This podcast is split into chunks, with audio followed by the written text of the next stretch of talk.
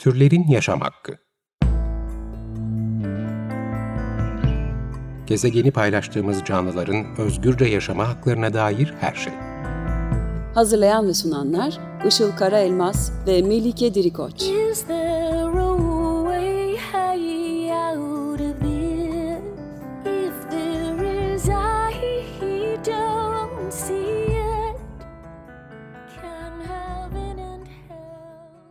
Merhabalar, 94.9 Açık Radyo'da Türlerin Yaşam Hakkı programı başladı. Ben Işıl Karaelmaz.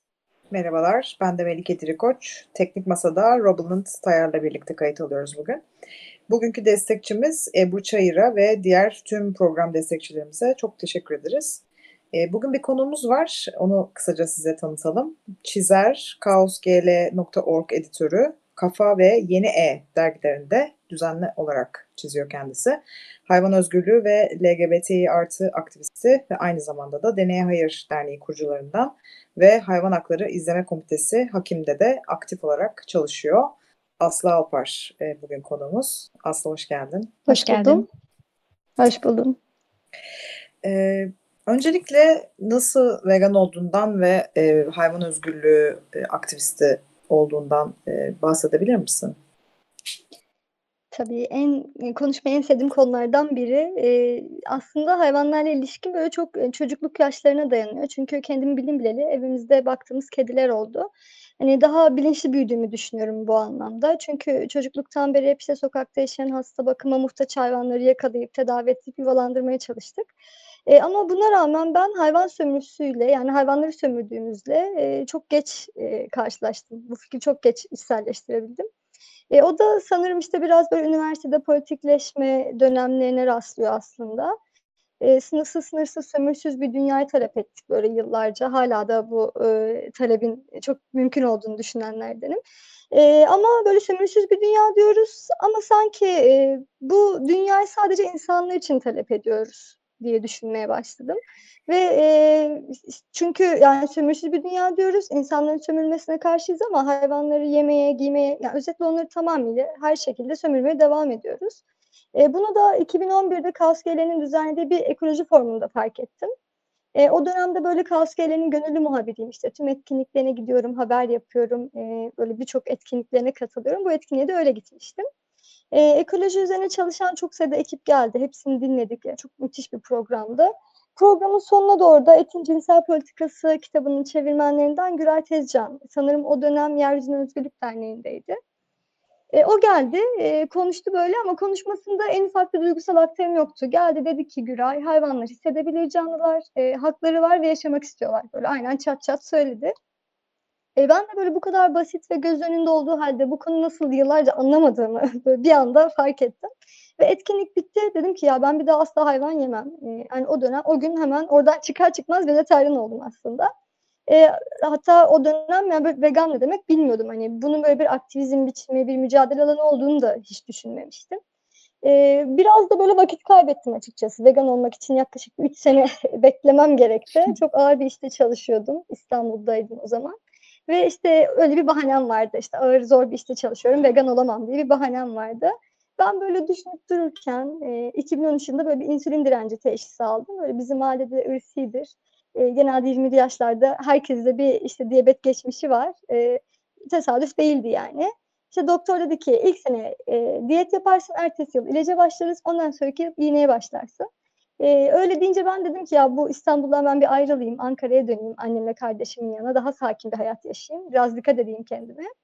Eee, annemle kardeşimi de ben vejetaryen olmaya ikna etmiştim ama ben Ankara'ya döndüğümde onları vegan buldum. İkisi de vegan olmuştu. Eee, böylelikle hiçbir bahanem de kalmadı, hani, eee, ve ben de onlara ayak uydurdum ve şöyle güzel bir şey oldu. Vegan olduğumun 2. senesi insülin direncinden kurtuldum. Yani hayvan hakları merkezine alarak vegan olmaya karar verdim ama böyle bir hediyesi de oldu yanında. Evet, birçok etik vegan bundan bahsediyor. Yani bitkisel beslenmenin sağlık konusundaki olumlu etkilerini de zamanla mutlaka görmeye başlıyoruz bir süre sonra. Şimdi sen birçok alanda aktivizm yapıyorsun. Özellikle yoğunlaştığın mücadele alanları hangileri ve senin için nasıl birleşiyor bunlar? Eee, ya, öyle sanıyorum ki hak mücadelelerinde, ya, herhangi bir alanda aslında mücadele verdiğiniz zaman kimimizde yavaş yavaş, kimimizde daha hızlı, diğer alanlarda bir farkındalık gelişiyor. Eee, ben, eee, sınıfsız bir toplum, başka bir dünya derdine düşmesem türcülük karşıtı bir mücadelenin içinde yer alır mıydım bilmiyorum açıkçası. Eee, Türkiye gibi böyle yasaların yetersiz, var olan yasaların da asla uygulanmadığı bir ülkede, eee, aslında varoluşunuz bile mücadelenin kendisi olabiliyor. Kadın olmak, biseksüel olmak yani doğrudan, eee, mecburen bir mücadele pratiğine dönüşebiliyor. En azından benim için öyle oldu. Eee, toplumsal cinsiyet eşitsizliği önünüze bir sürü bariyer çıkartıyor ve siz de sırf yaşayabilmek için aslında onlara karşı çıkmak zorunda kalıyorsunuz. Böyle kendiliğinden bir aktivizm olmuş oluyor aslında.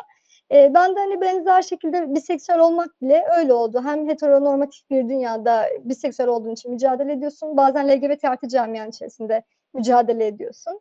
Eee, mesela mesleğinizde var olmak istiyorsunuz ama mesleğinizde var olmak da aslında bazen mücadelenin kendisine dönüşebiliyor. Ya, gene kendimden örnek vereyim. Sadece karikatür çizmek istiyordum ve buradan para kazanmak istiyordum. Ama buradan para kazanabilmek için İsta aslında o erkeklerin domine ettiği o heteronormatif, eee, karikatür dünyasına karşı da mücadele etmek zorunda kaldım. Eee, yani aslında başka bir mizah için de baş kaldırmak zorunda kalıyorsunuz. Biraz böyle oldu benim kendi deneyimim. Evet. Eee, ne gibi zorluklarla karşılaşıyorsun mesleğini yaparken örneğin? Ya, sanırım en büyük zorluğu ben, eee, ilk yıllarda yaşadım. Eee, 2008 yılında böyle karikatür dergilerine gidip işlerimi gösterdim. İşte, onlar dediler ki "Ya, asla kötü diyemeyiz, güzel işler ama bu işlere bizim okur kitlemiz gülmez." dediler. Böyle bir okur kitlesi tarifleri vardı aslında. Eee, bu okur kitlesi tarifleri de aslında Gırgır ekolünden gelen, eee, aslında bir ön yargıydı. Zannediyorlardı ki dergilerini sadece hetero, cis, eee, hatta ergen, genç erkekler okuyor ve onlara göre aslında biraz da espri dönüyordu karikatür dergilerinde. Mesela erotik, eee, mizah yapmak istiyorsanız daha çok, işte, hetero, cis genç erkeklerin arzu nesneleri üzerinden espri yapmanız gerekiyor. E, bu da ne anlama geliyor? Ne güldürür? Eee, homofobik şakalar güldürür, transfobik şakalar güldürür, cinsiyetçi şakalar güldürür, eee, bu toplumu düşündüğümüz zaman.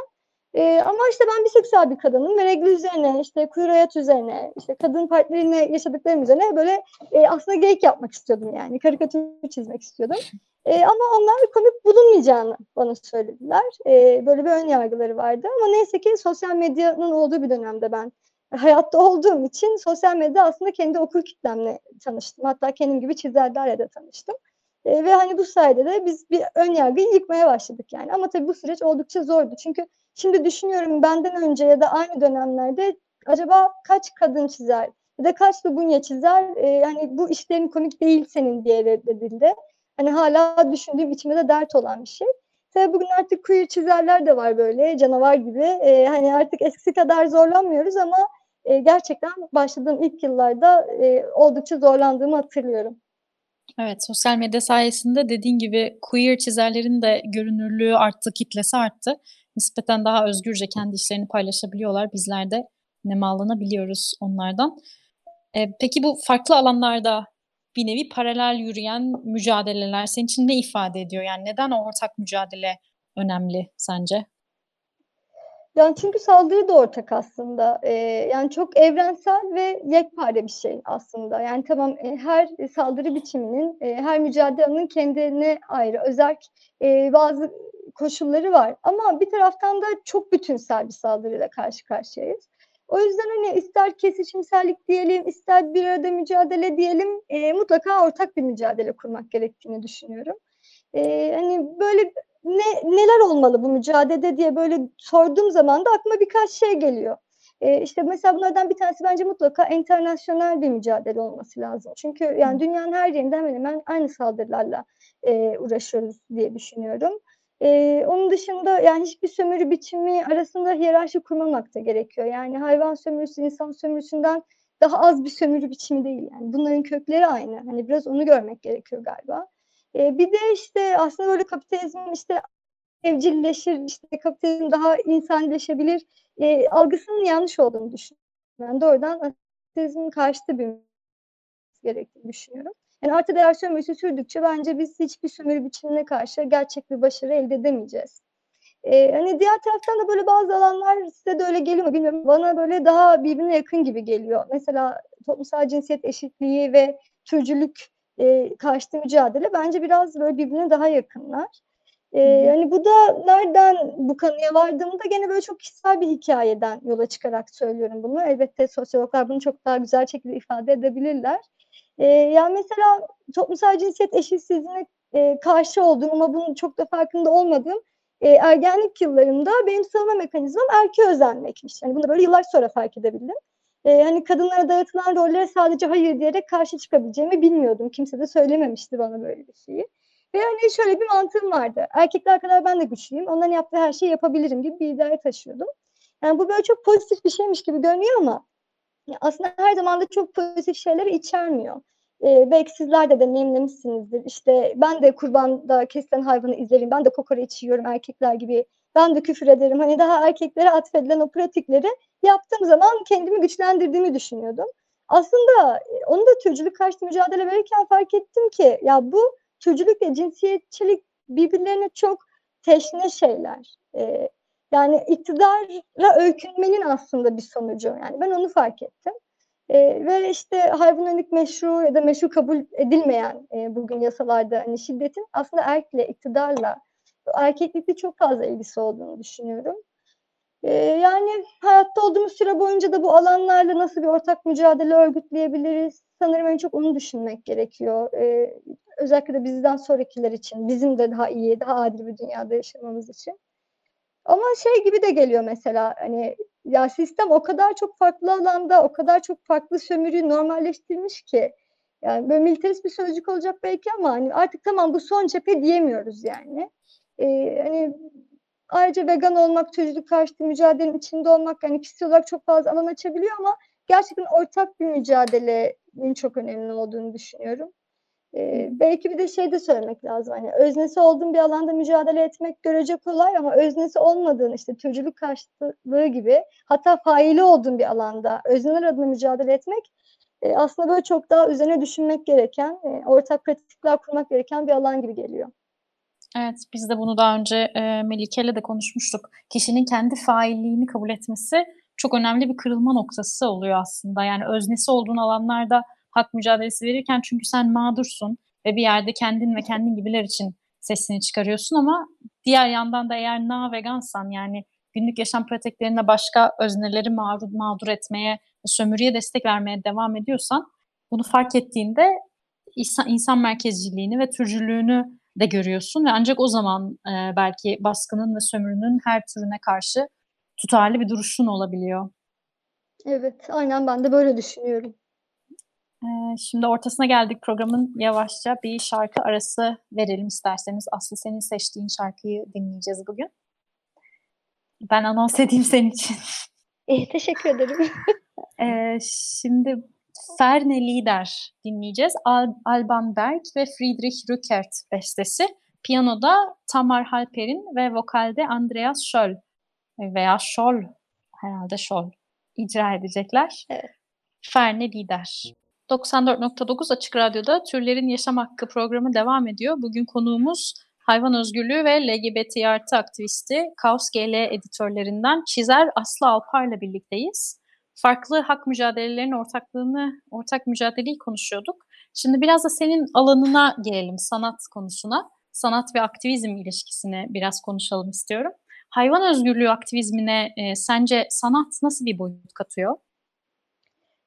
Ben karikatür özelinde konuşayım biraz daha. Aslında daha doğrusu görsel sanatlar üzerine biraz daha, konuşalım istiyorum. Çünkü, sanat alanında çalışanlar, sosyologlar özellikle görsellerin temsil ettikleri imgeden çok daha güçlü olduğunu söylüyorlar kitleler nezdinde. Ya, bunun tabii birçok sebebi vardır ama, hani, biz biraz kendi konumuza dönecek olursak, o aktivist kimliği olan görsel işlere bakacak olursak böyle birkaç farklı sebebin öne çıkabileceğini düşünüyorum. Eee, herhâlde bunlardan bir tanesi, yani, çarpıcı bir olay var, mücadele edilen bir olay var. Bu olay önce sanatçı tarafından damıtılıyor. Daha sonra bir de onu izleyen izleyici tarafından. Yani, olayın kendisi ne kadar çarpıcı olursa, eee, sanki 2 farklı zihinden geçen bir iş aslında daha da çarpıcı bir hâle geliyor, daha da birikimli bir hâle geliyor. Belki sebeplerden biri budur diye düşünüyorum, eee, bu kadar etkili olmasının. Mesela John Berger, eee, çizim bir çeviridir di çeviridir diyor. İşte, eee, boyanmış, çizilmiş imgeler sayısız yargının enerjisiyle örülmüş diyor. Hani, belki de bu bahsettiği enerjidir onu daha etkileyici bir hâle getiren, eee, aktivizmi de güçlendiren. Eee, hani, mesela hayvan hakları mücadelesinden örnek verelim. Ya, mezbahaya götürülen bir hayvanla göz göze gelmenin kendisi çok yıkıcıdır çok insan için, çok çarpıcıdır. Hani, fotoğrafta bu etkiyi sanatçı ışıkla, kontrastla çok daha etkileyici hâle getirebilir belki. O gerçekliğinden bile daha etkileyici bir hâle getirebilir bizim zihnimizde. Çizimde de başka bir avantajınız var aslında. Eee, hani, özne kabul edilmeyen ve konuşamayan bu hayvanlara son bir söz söyleme fırsatı verebilirsiniz. Hani, bu da başka bir boyut katıyor. Eee, herhâlde böyle daha aktivizmi de güçlendiren bir, eee, tarafı olduğunu düşünüyorum görsel sanatların. Evet, eee, bu noktada eylemlerde sanatsal çalışmalar nasıl kullanılıyor, eee, diye sorayım. Eee, sence neden etkili oluyorlar Hı hı. mesela eylemler özelinde özellikle? Ya, özellikle Türkiye'de çok sık kullanılıyor. Yaklaşık son bir 4-5 yıldır, eee, benim gördüğüm kadarıyla özellikle çizimler, karikatürler, illüstrasyonlar çok sık kullanılıyor. Eee, alanda da çok büyük bir etkisi olduğunu düşünüyorum. Sosyal medyada da. Eee, işte, yapılan TRT çalışmalarında bile aslında görsellerle öne çıkıyor, eee, etiketin kendisi de çoğu zaman. Mesela Türkiye'den, örnek verelim. Yani birkaç isimden bahsetmek istiyorum. Deneye Hayır Derneği için, eee, Melike Erkan çok güzel illüstrasyonlar üretti. Eee, Filiz Mungansemi, Özkarakaş, Melis Berk, Sadi Güran, Bengüsü bunlar türcülük karşıtı mükemmel illüstrasyonlar, çizimler üreten insanlar. Hani, ay neden bu kadar etkili? Çünkü bence bu konuda aktivistler aynı zamanda. Yani, böyle bir reklam ajansına verilip yapılmış bir görsel değil bunlar. Çok içeriden geliyor. Mücadelenin çok kendisinden geliyor. Bence bu yüzden çok etkili. Eee, ya, tabii, hani, yine de, eee, herkesi aynı şekilde etkilemeyebilir. O o aralığı da bırakmak lazım. Yani kimimizi mezbahada yaşanan bir video görüntüsü daha çok etkiler. Kimimizin, eee, hayatını etik bir konuşma değiştirir. Kimimizinkini bir sanatsal iş değiştirir. Hani, çok farklı yönü var mücadelenin ama belki sanat biraz daha derinde iz bırakıyor diye düşünüyorum.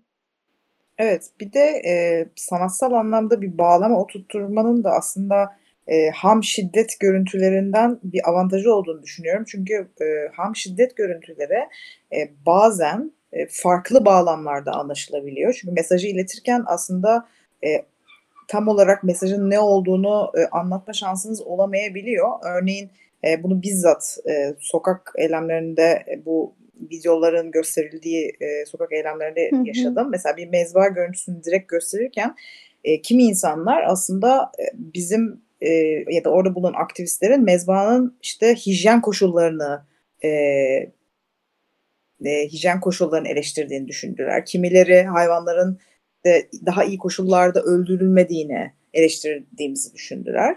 Eee, buna bizzat ben de şahit oldum, eee, ve kimileri de zaten mesajı bile alamadan bu görüntülere kafasını çevirebiliyor ve bakamıyor. Eee, hâliyle epey travmatik oldukları için ama sanatta, eee, daha, eee, bunun, çizgiyle aslında ve mesajla verilmesi durumunda aslında hayvanları bir özne, eee, senin de dediğin gibi son sözlerini söyleyen bir birey olarak, eee, ya da haklarını bizzat arayan bireyler olarak gösterme şansımız var ve, eee, aslında tam da verilmek istenen mesajı da, yani topyekün özgürlük, eee, istenildiğine dair mesajı da verme şansımız oluyor dediğin gibi. Evet. Bir yandan da gerçekten herkese hitap eden dil de başka oluyor. Herkesin anladığı dil de başka oluyor. Yani aslında davranış değişikliğine giden bu süreçte tek bir tanesi de değil. Belki hepsinin zaman içinde birikmesi de önemli olabilir. Çünkü tüm bu içerikler hep birlikte insanı, eee, o noktaya getiriyor, kendini değiştirme kararına itiyor belki de ama dediğiniz gibi sanatın diğerlerinden farklı bir süreci var kesinlikle. Peki, eee, sence sanat her zaman güçlendirici bir rol üstlenebiliyor mu? Eee, yani her zaman değil. Eee, özellikle karikatürden bahsedecek olursak, yani mizah burada konuştuklarımızın tam aksine defalarca kullanıldı. Kullanılmaya da devam ediyor. Eee, işte son yıllarda çok sık karşılaşıyoruz. Eee, işte cinsiyetçi, transfobik, türcü bir komiği, eee, komiği de böyle tırnak içinde söylemek lazım aslında. Eee, ofansif mizah, kara mizah diye çok sık savunulduğunu görüyoruz. Eee, ama, eee, işte aslında o mizah mı ya da o komik mi sorularını sormak lazım her karşılaştığımız işe. Çünkü mizahın tarihine baktığın zaman, yani onun egemene karşı bir komik ürettiği için aslında, eee, neşeli olduğunu görüyoruz. Yani insanları neşelendirdiğini görüyoruz. Yoksa, hani, muktedirin yanında, iktidarın yanında güldürmeye çalışmak aslında bildiğim kadarıyla ona soytarılık deniyor. Yani mizahın çok daha başka kendine içkin bir anlamı var aslında. Ama diğer taraftan şey de riskli, işte mizahı bir kalıba sokmaya çalışmak, onu sadece güçlendirici bir işlev olarak görmek, hani, bu da doğru değil. Eee, çünkü, eee, yani mizahı böyle bir kalıba da sok sokmamak gerekiyor. Öyle bir şey değil çünkü. O zaman da komik olmaz. Sadece elinizde bir slogan kalıverir. E, böyle mizahın biraz güçlendiriciliği kendiliğinden geliyor. Kendinden menkul bir güçlendiriciliği var. E, Biz ama karikatürde bunun aksini çok gördük hani dediğim gibi. İşte özellikle bir dönem tecavüzü meşrulaştıracak komikleri, şakaları, işte homofobik, transfobik işleri çok fazla gördük. Tabii hani günümüzde artık LGBT artı ve feminist hareket e, çok güzel bastırıyor ve bu karikatürlerin komik olmadığını nihayet çizerler de anladı.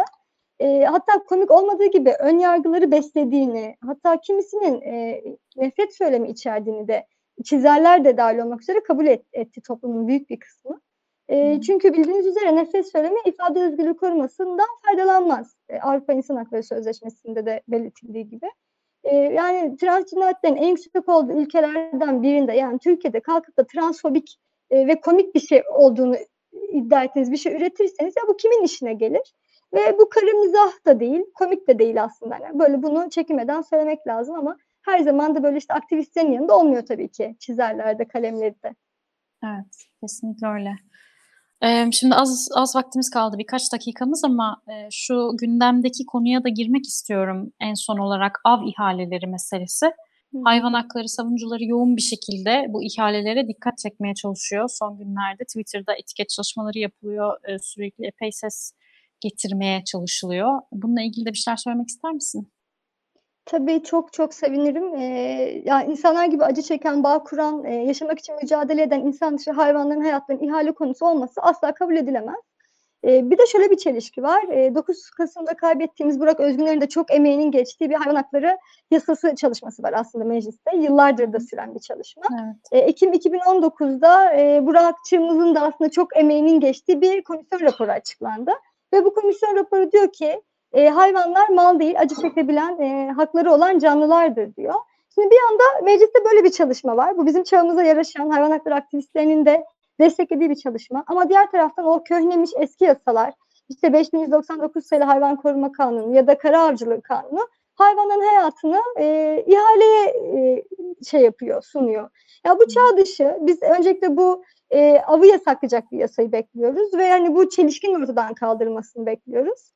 E, ve ben inanıyorum mutlaka da mücadelemizde başarılı olacağız. Herkes destek verirse çok daha güzel olur. Evet, artık e, bu toplumsal dönüşümü de görmek istiyoruz. Hayvanların statüsünün e, mal değil, birey e, olarak değiştirildiği zamanlara bir an önce e, ilerlemek ümidiyle diyorum. E, süremizi bitirdik. E, yavaş yavaş kapatalım. 94.9 Açık Radyo'da Türlerin Yaşam Hakkını dinlediniz. Bugün hayvan özgürlüğü ve LGBTİ artı aktivisti Çizer Aslı Alpar konuğumuzdu. Mücadele alanlarının ortaklığını, sanatın aktivizm içindeki yerini, ana akım dışından bir çizer olmaya konuştuk Aslı'yla.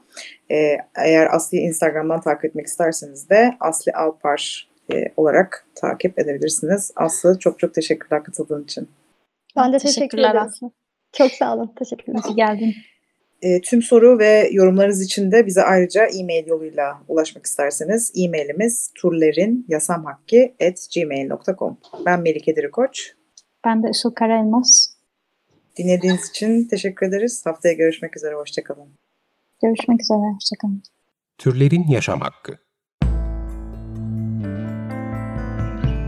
Gezegeni paylaştığımız canlıların özgürce yaşama haklarına dair her şey. Hazırlayan ve sunanlar Işıl Karaelmaz ve Melike Dirikoç. Is